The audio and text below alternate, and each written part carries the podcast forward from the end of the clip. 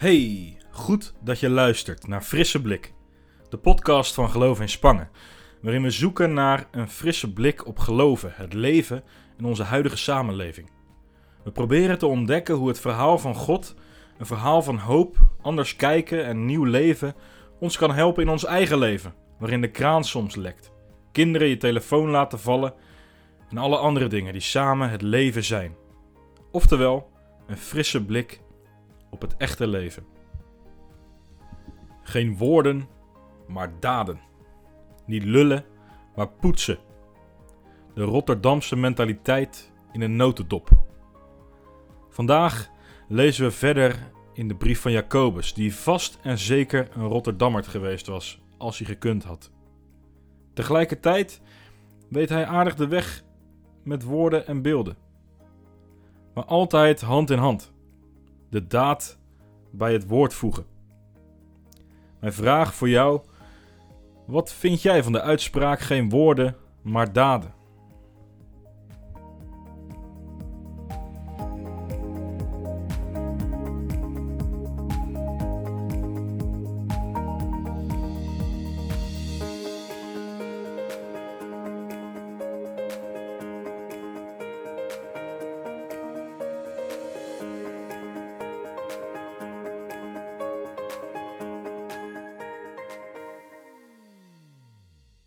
We lezen vandaag verder in Jacobus 1, de laatste zes versen.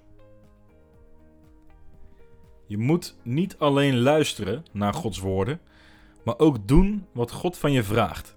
Anders ben je verkeerd bezig.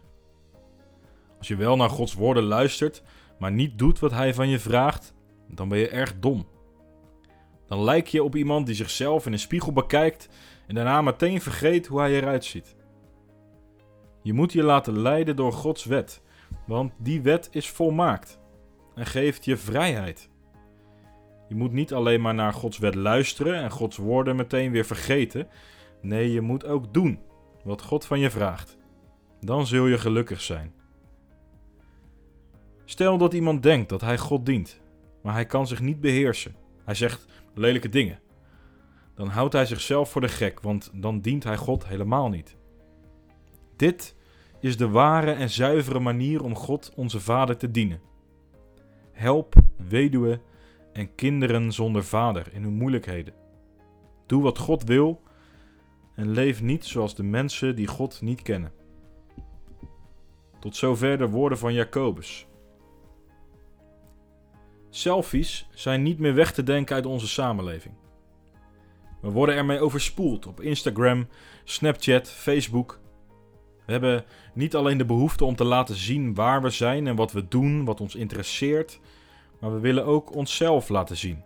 Vanuit allerlei hoeken en met verschillende filters scrollen we door tijdlijnen vol gezichten.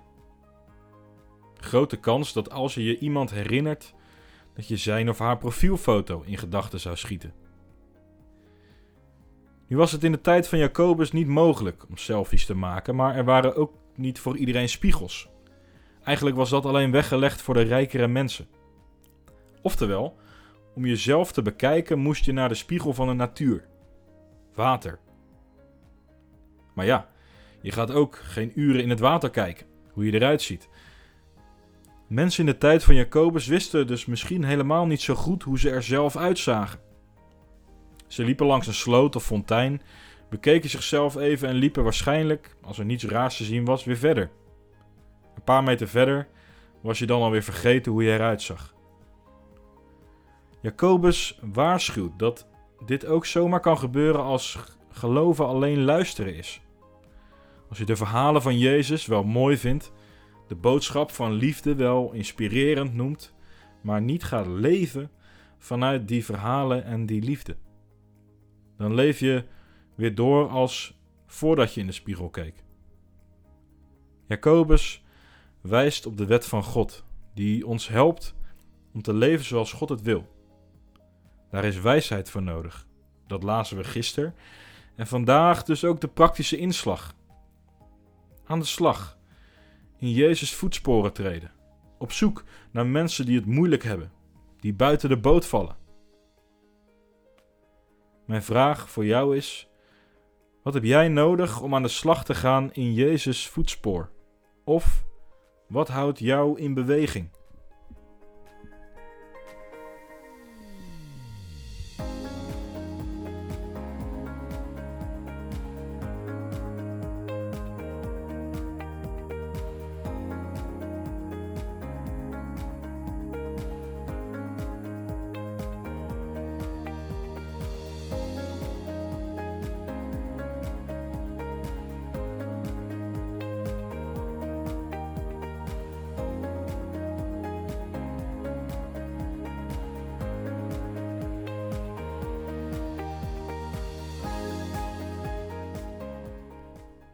Laten we bidden. Goede God, we danken dat U ons de weg wijst en aanspoort om de daad bij het woord te voegen. Geef ons kracht en doorzettingsvermogen om in beweging te komen voor wat U wilt. Help ons als wat U vraagt misschien ingaat tegen wat we zelf zouden willen. Help ons om achter Jezus aan te gaan. Amen.